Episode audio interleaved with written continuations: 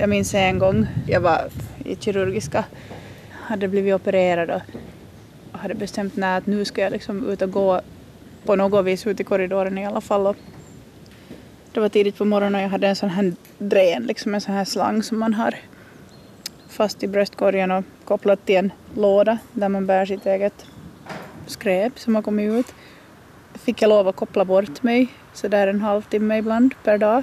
Och så tog man den och skulle försöka bära den med sin dåliga arm eller hur man nu fick det. Var liksom, allting var jättetungt. Så stapplade jag mig till andra änden av korridoren och kände mig helt jättenöjd. Och så kom jag ut till balkongen och det var liksom fullt, fullt stormväder och blixtar som slog ner och liksom åska.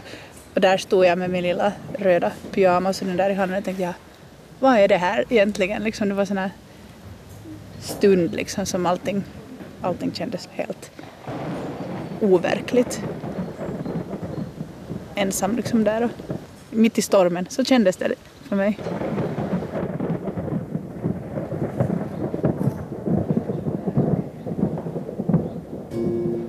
Du lyssnar till Dokumenterat.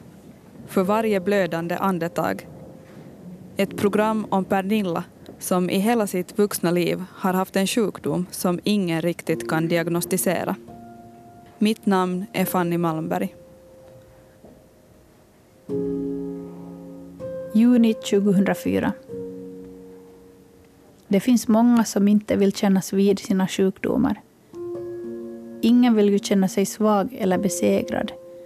Men den egentliga orsaken till varför så många vägrar att konfrontera sin sjukdom är för att man inte accepteras om man är sjuk. Det har du och jag fått erfara om någon. Dessutom finns ingenting som att vara ung och allvarligt sjuk och se frisk ut. Pernilla är 33 år och lever med en lungsjukdom som förblir utan definitiv diagnos. En sjukdom som blivit hennes ständiga följeslagare. Som hon varit tvungen att skapa en relation till då ingen annan kan se hur hon känner sig. Längs med åren har jag slagit dövörat till dig otaliga gånger. Varje dag i flera år. Du har viftat, du har ropat, gallskrikit och till slut drämt till mig så att jag fallit handlöst till marken. Det har hänt så många gånger att jag till slut inte kunnat ta mig upp. Det var inte ens tillräckligt för dig. Du tog istället fram tändstickorna och tände på. Inte förrän då hajade jag till. Insåg något jag inte ville inse. För alla, precis alla, hade intalat mig om att du inte fanns. Jag försökte berätta om dig för alla läkare jag träffade.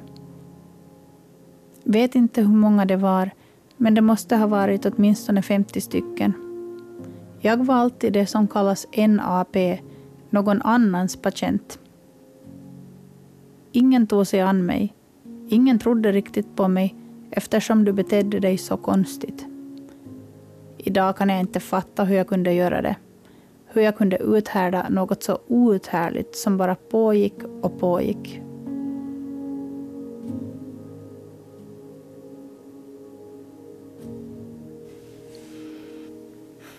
Ska vi ta det helt från början? Ja. Hur och när började det här med dina lungor?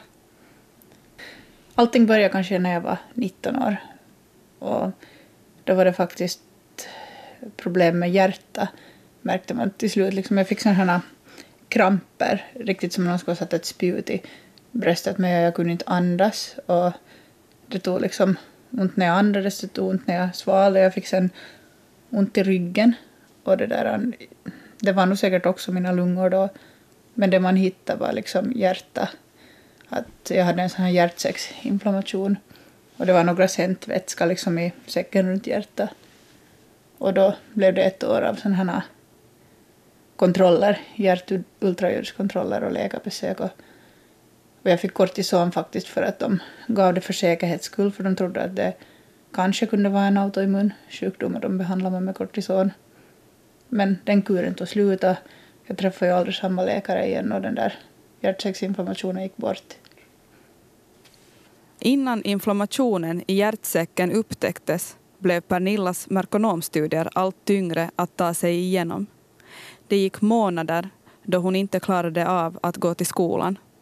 Slutarbetet skrev hon med hjälp av värmedynor, verkmedicin och muskelavslappnande medicin. När febern inte gav sig togs Pernilla in på sjukhus. Vid det laget hade läkarna svårt att känna någon puls alls. Jag glömmer aldrig när läkaren berättade för mig att det ser ut som om mitt hjärta är förstorat. Du skrämde livet ur mig då. Mitt hjärta, det viktigaste organ jag har. Där högg du in kniven och berättade att du menar allvar. Kardiologer flockades runt mig. De pratade finska över huvudet på mig. Allt jag minns är de där äckliga hjärtljuden från ultraljudsutrustningen och att min puls dundrade på som om den försökte hålla takten till en technolåt. Du hade tydligen fyllt säcken runt mitt hjärta med vätska. Ett år av hjärtkontroller och en fruktansvärd panikångest följde. Skulle jag då ha vetat att det här bara var början på vad som skulle komma? Men just då kom du än en gång undan. Men det skulle dröja ännu sju år innan du togs på bar gärning av Finlands skickligaste patolog och lungläkare. Och före det hann du ställa till med så mycket skada. Under de sju åren som följde efter hjärtsäcksinflammationen var Pernilla ofta sjuk, hade ont i kroppen och hostade ibland blod. Läkarna hon träffade tyckte inte det var farligt. Hon höll ut i hopp om att det snart skulle bli bättre. Men liksom det här riktiga helt katastrofen så det började nog äh, hösten 2010.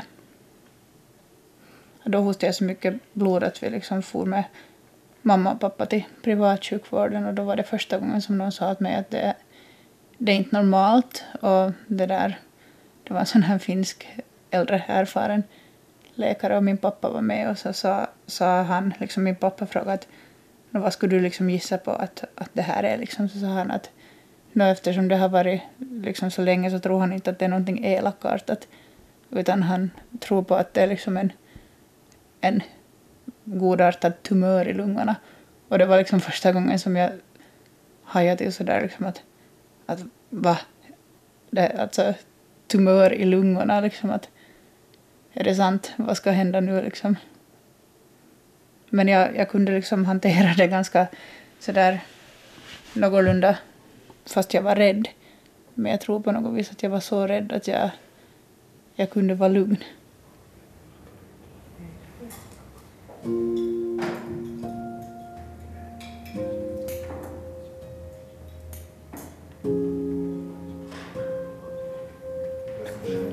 Eh, så jag fick en remiss till kirurgiska avdelningen, thoraxkirurgiska, där de skulle liksom operera bort den. Och de hade sagt liksom att de skulle göra det med titthålsoperation. Men när jag kom dit liksom så, sa, så stod det på papperna att, att det blir antingen titthål eller sån här öppen bröstkorgsoperation. Och då fick jag panik där på sjukhuset. Jag liksom tänkte att vad gör jag här? Jag kan springa härifrån ännu. Liksom att, att jag vill inte bli uppöppnad. Det var typ det värsta. Men skulle jag ha vetat det, liksom, att det skulle ha varit det bättre alternativet, och skulle någon ha vetat det, så skulle jag ha valt det. För det visade sig att när de gick in med det här trätitthål här i sidan och rev ut den där, att det var liksom en inkapslad eh, bakteriehärd och när de tog sönder den så liksom spreds den i min lungsäck. Och det blev liksom såna, sån stor spridning att det gick inte att ta bort med antibiotika. Liksom att ena kirurgen sa liksom att det var liksom bakterierna var som, ungefär som grodyngel i lungsäcken. Och det blev en akut operation för att rädda Pernillas liv. Lungsäcken skrapades ett par gånger När det inte hjälpte upptäcktes ett hål i lungan. Det följde ytterligare operationer, totalt sju stycken. Högra lungans översta lob avlägsnades helt. Ärrvävnaden hindrade lungan att vecklas ut och kvar blev ett tomrum som ännu lätt samlar infektioner trots att Pernillas bröstmuskel flyttades i ett försök att fylla hålet. Men sen då i, i maj 2011 så var det en av de här läkarna som hade tyckt att, att ingen har riktigt tagit i det här på allvar. Att vad det här egentligen är som jag har. Så hon hade skickat den här ehm, bakteriehärden som jag hade från början och analyseras till en patolog i Uleåborg som de sa att var liksom Finlands en av de allra bästa då. Och det var han sen då som hittade, liksom, hittade vaskulit i den, alltså blodkärlsinflammation. Men det var också enda gången liksom de hittade någonstans. Vad innebär vaskulit? Jag har lärt mig sådär ungefär vad det är. Det är en blodkärlsinflammation inflammation i blodkärlen. Och det finns olika typer av vaskuliter. Och alla är ju inte autoimmuna, liksom. Men den här är...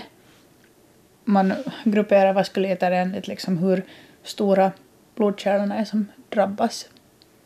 Och mina, mina liksom är de små, jättesmå blodkärlen som är drabbade. Är det svårare eller lättare att behandla?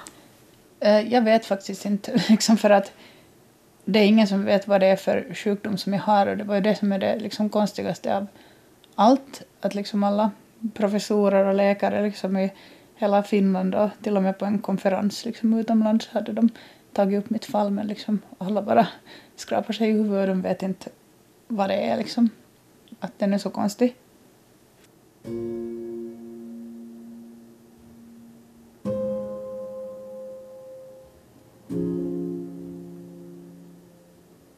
December 2012.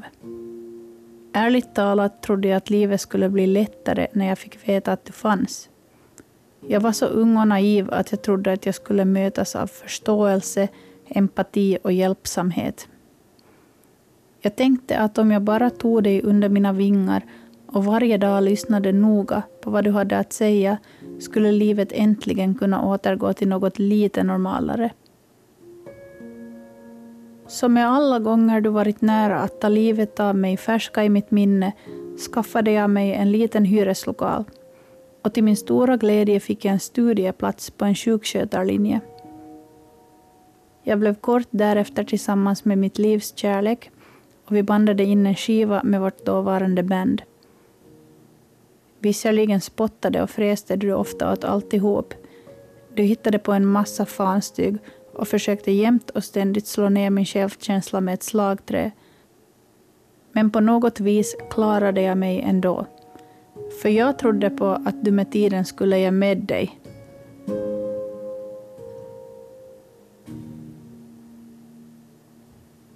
Alltså, det har man märkt att den här sjukdomen liksom har, har liksom tagit massor med ork och kraft av mig. Att det har varit jättesvårt att tänka på liksom att ens orka med ett arbete eller någonting och för att, att eh, ha någonting att göra så har jag liksom sökt mig till studier.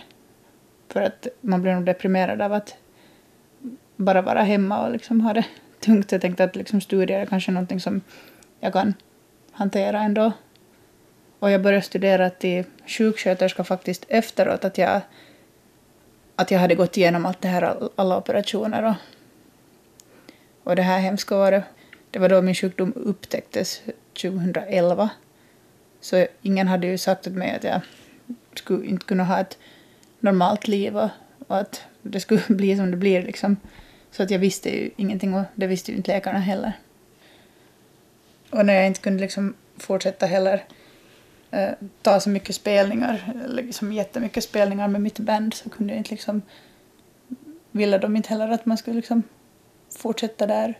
Så jag liksom, det blev slut på det och det blev slut på skolan och det blev slut på liksom en massa saker som man man kände sig liksom som man skulle ha gjort något fel, liksom, som man är liksom helt fel som människa. Att, att man blir utskälld för att man har en, har en sjukdom, ungefär.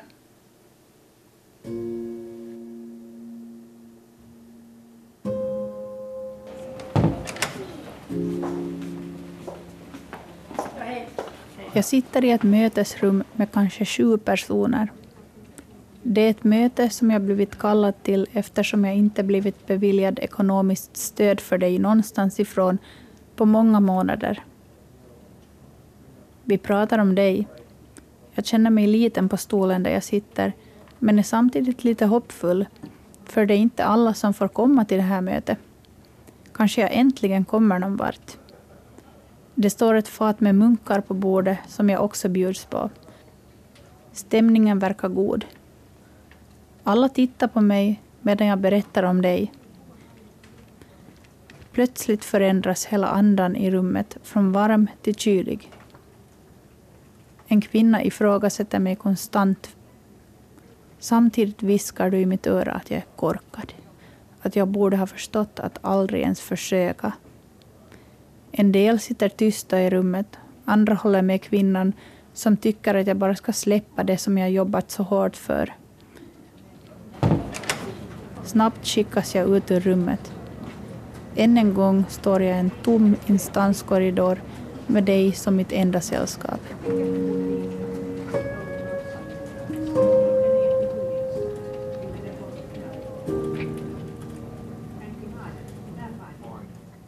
Ganska snabbt insåg jag att ingenting var som jag trodde. Jag befann mig i någon sorts grå mellanvärld som ingen annan visste om att existerade. Din värld, som också blev en stor del av min. Folk utgick ifrån att du hade gett mig en utförlig manual om hur du fungerar. Men du är så mycket mer komplex. Du har din helt egna personlighet, precis som jag också har. Jag märkte snabbt att folk misstar dig för mig. Jag måste alltid stå till svars för dina handlingar som jag förgäves försöker förutse. Men eftersom du gör vad som helst, när som helst du behagar, utan att ta mig i beaktande, har du gång på gång fått mig att framstå som en sabotör, en lögnare, en oberäknelig person som jämt gör alla besvikna.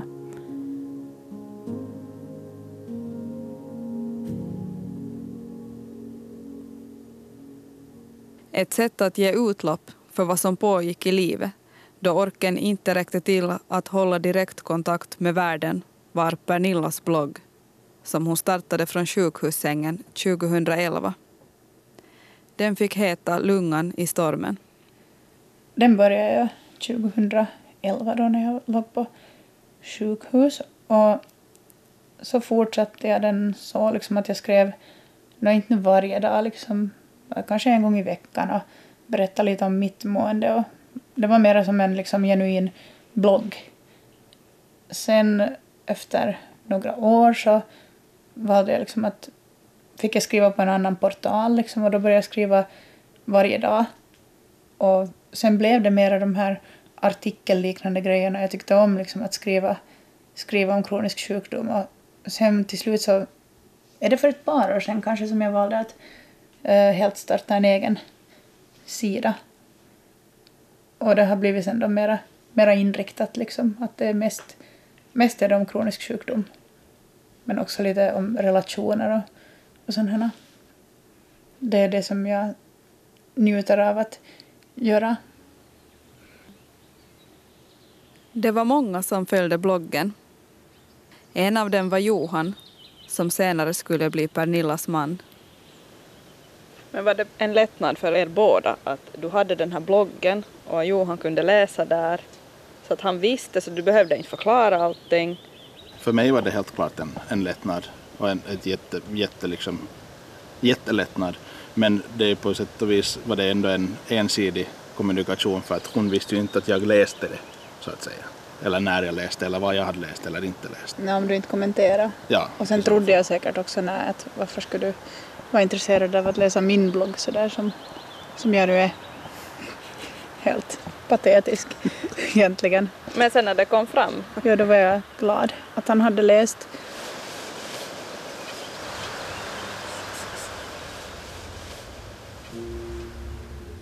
Februari 2013. Jag sitter vid matbordet i min lilla hyreslokal på femte våningen. Jag tycker varken om höghus, kokvrår eller hissar, men trots det är jag fylld av eufori. Efter året du lärde mig hur det är att konstant leva i en mardröm sitter jag äntligen här och dricker kaffe mitt emot Johan. Jag kan knappt tro att det är sant. Här sitter jag nu i en egen hyreslokal tillsammans med Johan. Tillsammans som ett par. Han ser både dig och mig, men han låter sig inte skrämmas av dig. Han har följt oss i två år nu. Lika overkligt som det känns att du överhuvudtaget finns, känns det att han väljer oss. Helt utan tvekan. Vi ligger vakna och pratar nätterna i ända. Jag erkänner att jag bara klarat av att sova några enstaka nätter ensam i höghuset. Att jag på grund av dig inte kan känna mig trygg. Du tar upp allt för mycket utrymme i mina tankar om jag lämnas ensam med dig. Och när du plötsligt attackerar mig kan jag inte vara ensam. Att känna hur det gurglar i lungorna och hur luftrören täpps av blod och blodklumpar är det mest skrämmande som finns. Varför kan du inte bara lämna mig i fred? Nu när det äntligen känns som att jag funnit lyckan i livet. Låt mig vara i fred, ens en enda dag.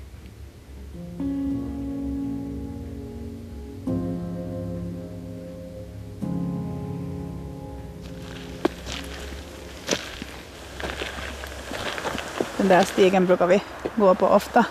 Det är där som de har huggit ner ganska mycket där bakom hörnet.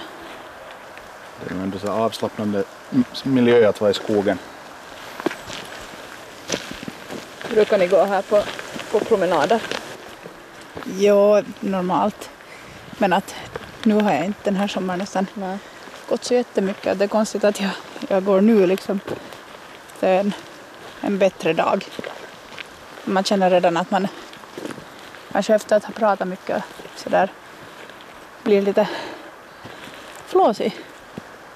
Ja, bara av den här biten redan. Ja, så ska det ju inte vara egentligen.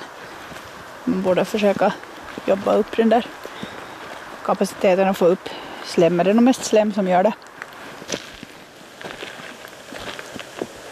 Behöver du andningspaus? Nej, det går nog bra med att andas lite emellanåt. Ja. Om jag pratar hela tiden så är det, Det är det så. Att prata och gå är alltid tungt.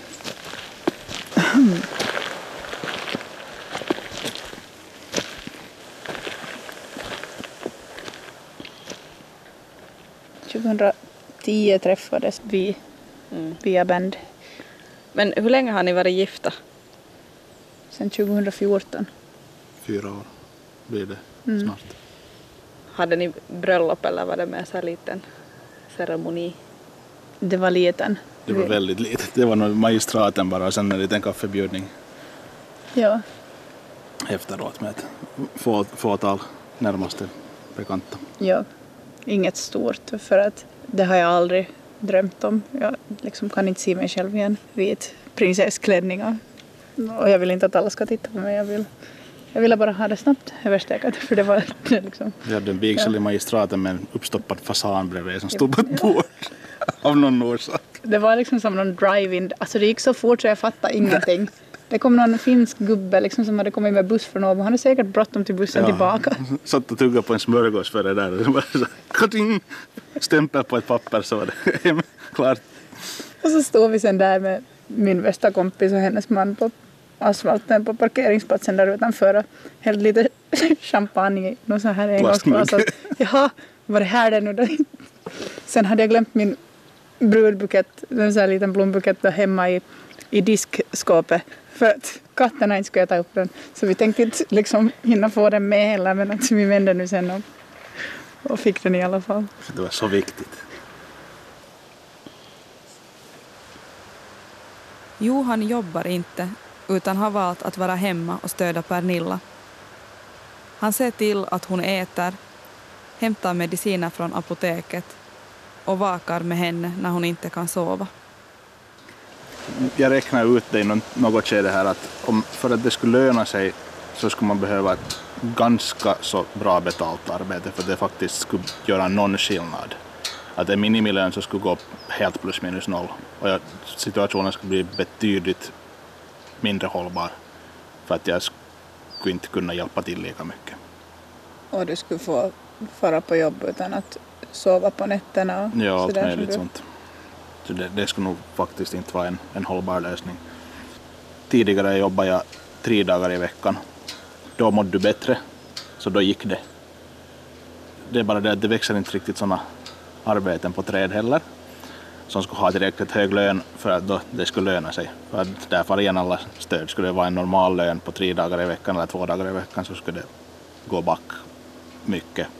Plus att situationen skulle vara sämre. För att i det här skedet så behöver nog Pernilla mera än fyra dagars stöd i veckan så att säga. Och det är jättemånga som inte förstår det. Liksom, har jag märkt att, att du inte jobbar. Att de blir helt ifrån sig. Att, va, att nu, ska, nu ska du nog kunna jobba. Liksom, att, att hur har du inte ett arbete? Att, att det är din plikt. Att man skäms på något vis. Och vet inte riktigt vad man ska svara i sådana situationer. När folk på riktigt inte förstår det. Det är nog bara sådana som inte har varit i den situationen. Ja. Det är ju annat.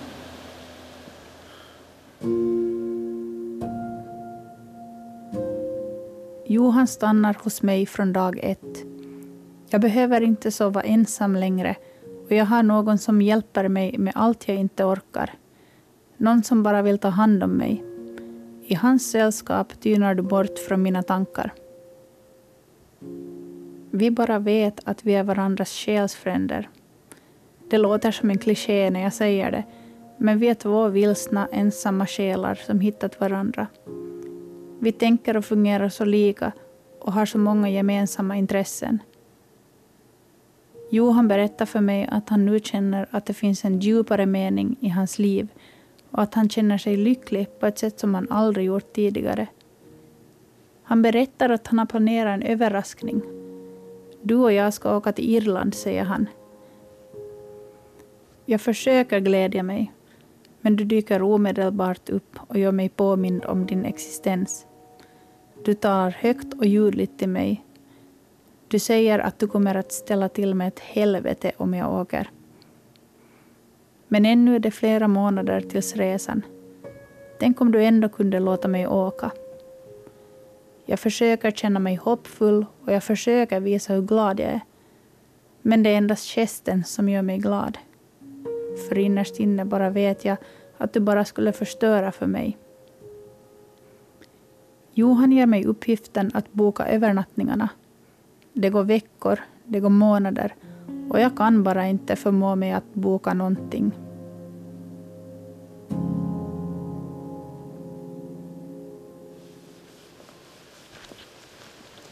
Ända in på hösten, så länge det är tillräckligt varmt, tillbringar Pernilla och Johan de flesta dagar på den lilla sommarstuga Pernillas farmor och farfar lämnat efter sig. Den är omringad av både skog och familj, bara ett stenkast från Pernillas föräldrars hus. Hej. Hej. Vad brukar ni göra när ni är här? no, ibland brukar jag sitta där på trappan och läsa korsord eller läsa eller något sånt. Sen ibland så sitter jag nu här och skriver eller där ute och skriver. Och, och uh, ibland brukar vi spela också uh, fiol och så, såg jag att vi har våra instrument här. Och, uh, inte så jättemycket, liksom så här bara ta det lugnt.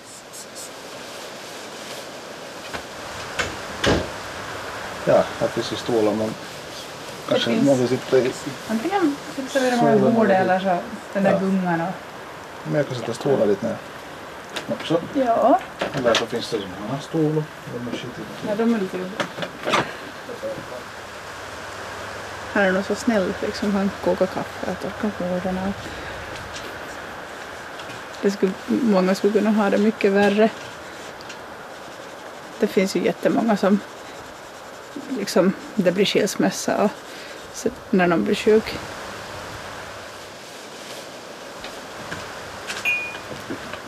Vill du ha någonting i kaffe? Äh, mjölk. Ja. Bra.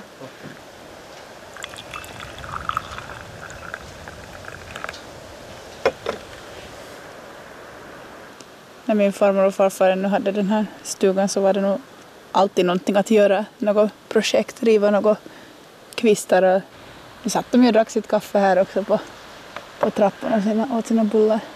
Men att det var mera liksom jobb. Man känner sig lite lat i jämförelse. När vi flyttade till vårt hus här för ett år sedan då började jag tapetsera ett rum för jag tänkte liksom att jag vill också göra någonting för han fixade hela köket och rev saker där och lagade allt nytt och jag kände att jag, jag vill också göra någon nytta. Eller känna liksom att jag själv har bidragit med någonting och sen började jag tapetsera hela sovrummet.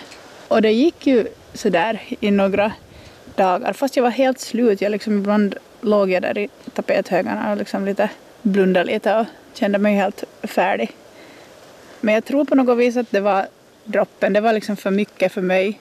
För efter det så fick jag så här blodhosta och sen till slut hade jag lunginflammation. Att jag undrar om, jag, om det bidrog liksom till att lite väcka sjukdomen och sådär. Att, den- att man ska akta sig liksom vad man gör. Att det blir jättelätt för mycket.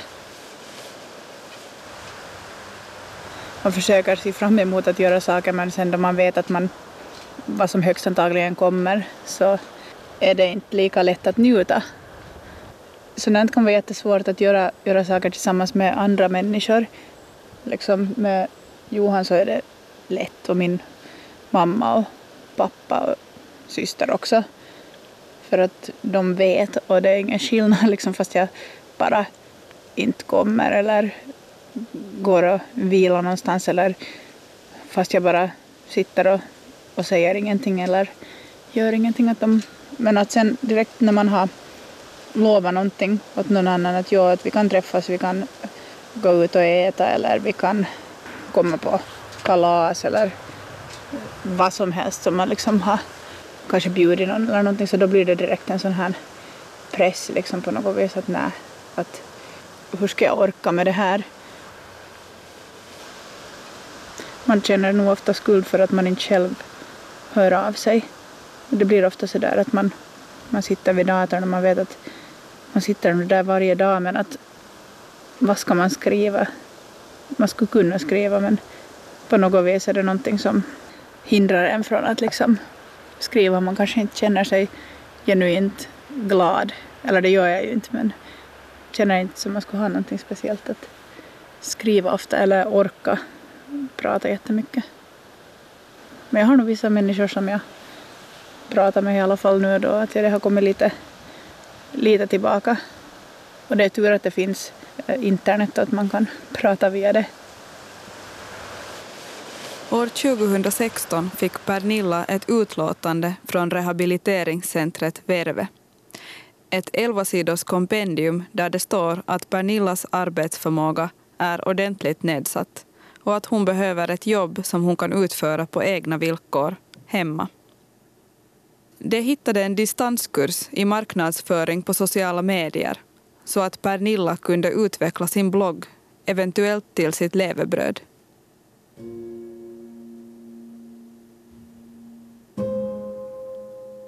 Skulle du räknas som ett jobb skulle jag ha varit miljonär för länge sedan. För det är just vad du är.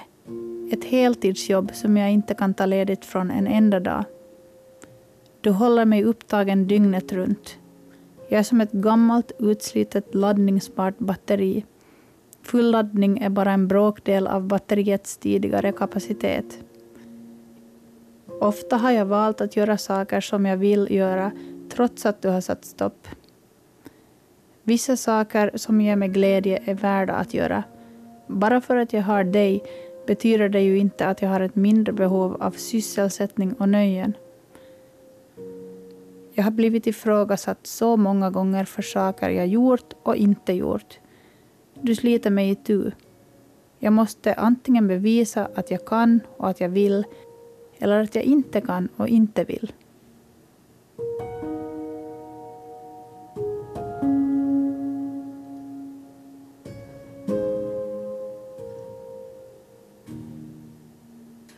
Utlåtandet från Verve hade ingen effekt och kursen i marknadsföring beviljades inte. Idag är Pernilla sjukskriven på grund av depression, panikångest och hypokondrisk störning. Allt till följd av lungsjukdomen som i sig inte beaktas som en giltig anledning till att få bidrag. På instansnivå är hon arbetsduglig. De här instanserna så det känns ju som att de vet inte överhuvudtaget vem jag är. De har bara sett mig på ett papper och de bryr sig inte överhuvudtaget. Det finns ingen person där bakom som skulle ha ett intresse av mig utan det är ungefär som att prata med en vägg eller att, att lotta, se liksom vad man får för beslut därifrån. Samma, samma ansökan och samma situation kan liksom ena året ge det ena och andra, det andra beslutet negativt eller positivt. Så där har jag nog lärt mig liksom att inte ta åt mig personligen av instansernas beslut. Att det, är bara, det är bara ett system som liksom inte alls fungerar, som inte tar hänsyn till människan. Det känns nog som att, att man inte ens har en chans att delta i det här samhället för man får inte stöd för det som man skulle eventuellt kunna tänkas göra, kunna göra. Som att till exempel skriva. Nu har jag hållit på i åtta år och, och sökt de här olika stöden. Det är lite rehabiliteringsstöd och det är sen inget stöd och så är det arbetsmarknadsstöd och, och nya intyg hela tiden. Och får jag inte sjukpension för det här lungsjukdomen alls. Och, och vad tror de nu liksom när jag har varit sjukskriven för depression? Är jag då frisk från den andra sjukdomen? Man har så fullt upp med att hålla på med det här hela tiden att man får ingen chans till att känna sig som någon, så, någon individ i det här samhället som ens skulle ha energi att orka bidra till någonting. Det är fel hur man än gör. Jag vet inte vad, vad de vill att man ska göra, vad de tror att man ska orka med på det här sättet.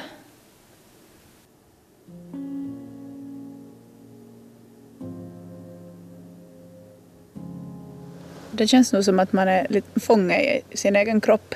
Man skulle bara vilja flyga ut från den och sen vara som normalt igen och få djupa andetag och kunna springa fast om man skulle så vilja eller klättra upp i ett träd eller stå på händer eller vad som helst. Speciellt när man ser foton på sig själv när man var yngre och, och har roligt och är på något tivoli eller vad som helst som man ser i sina fotoalbum så tänker man på att hur kunde, hur kunde det bli så här? Att är det faktiskt sant?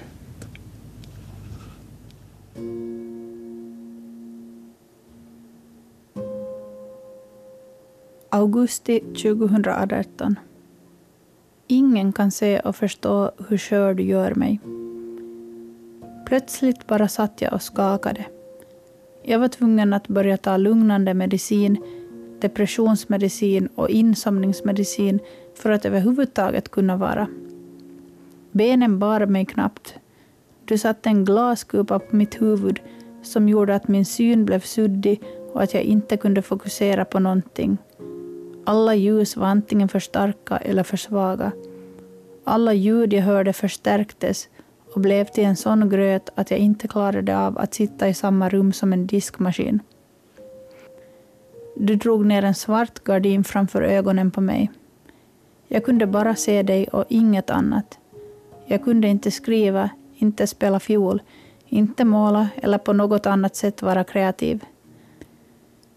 Jag svettades konstant och mätte hysteriskt min feber varje dag. Jag såg på mina händer och tyckte att de såg annorlunda ut. Mitt kinn såg löst och skrynkligt ut. Jag analyserade prickar på min hud, läste om sjukdomar på Google och var fullständigt livrädd för att jag hade varenda en jag läste om. Många gånger per dag och speciellt på nätterna ringde jag till mina föräldrar och var övertygad om att jag skulle dö. Det går inte att beskriva hur hemskt det är att känna att man håller på att tappa greppet om precis allt. Det tog ett år innan jag faktiskt förstod att du kan ställa till med precis vad som helst. Johan gömde bipacksedlarna för alla mina mediciner och jag fick förbud att googla sjukdomar och symptom.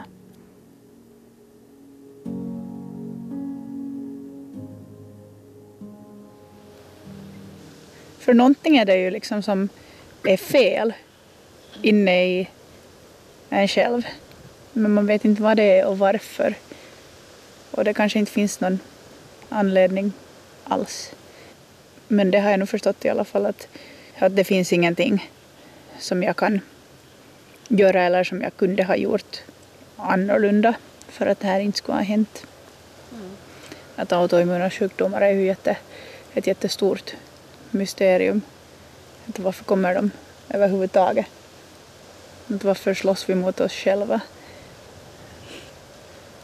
Mest har jag nog uppfattat det som någonting sådär negativt och någonting dåligt, någon som förstör, någon, någon sån här elak person. Men när jag börjar liksom fundera på det mera så känns det som att egentligen är det liksom någon som jag ska försöka ta hand om, liksom att det är en del av, av mig själv som är sårad och sjuk på något vis och, och jag måste försöka bli dens vän och ta hänsyn till den. Och det är ett sundare tankesätt på något vis att känna att det inte blir så där jättemycket negativ energi, att man liksom blir bara ödslar, ödslar tiden på att vara arg på sig själv för att man är oduglig och för att man har den här eh, jäkla skitsjukdomen och sådär. Att istället tänka, tänka på någon som man försöker samarbeta med känns bättre, snällare.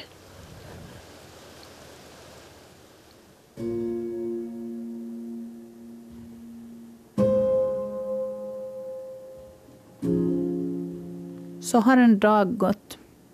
Det känns konstigt hur en dag kan kännas så kort trots att jag knappt gjort någonting alls. Kanske är det just därför. Men trots allt är både Johan och jag lyckliga, för vi har varandra. Vi står varandra närmare än många. Det är på inget vis din förtjänst. Men du har lärt oss båda att ta hand om oss själva och att varje dag prata om våra behov. Du har visat oss hur ödesdigra konsekvenserna kan bli när man inte sätter sina egna gränser och låter sig bli illa behandlad. Jag skulle aldrig önska att min värsta fiende råkade ut för dig. Men ibland önskar jag faktiskt att folk skulle pröva att leva mitt liv en enda dag. Skulle alla ha det så här skulle våra system inte fungera alls. Att berätta om dig är allt annat än lätt, men jag känner att det är för viktigt för att låta bli. Om du ska vara till någon nytta i mitt liv så får det bli just så här.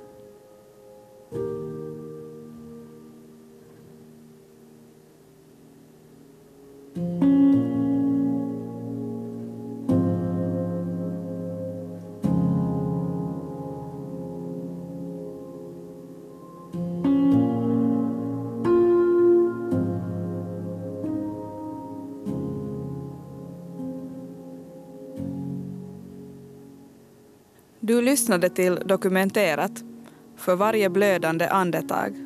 Ett program om att leva med en sjukdom ingen kan diagnostisera. Vi hörde Pernilla Bergman och Johan Nordström. För ljuddesignen stod Jyrki Häyrinen. Producent var Staffan von Martens. Jag heter Fanny Malmberg.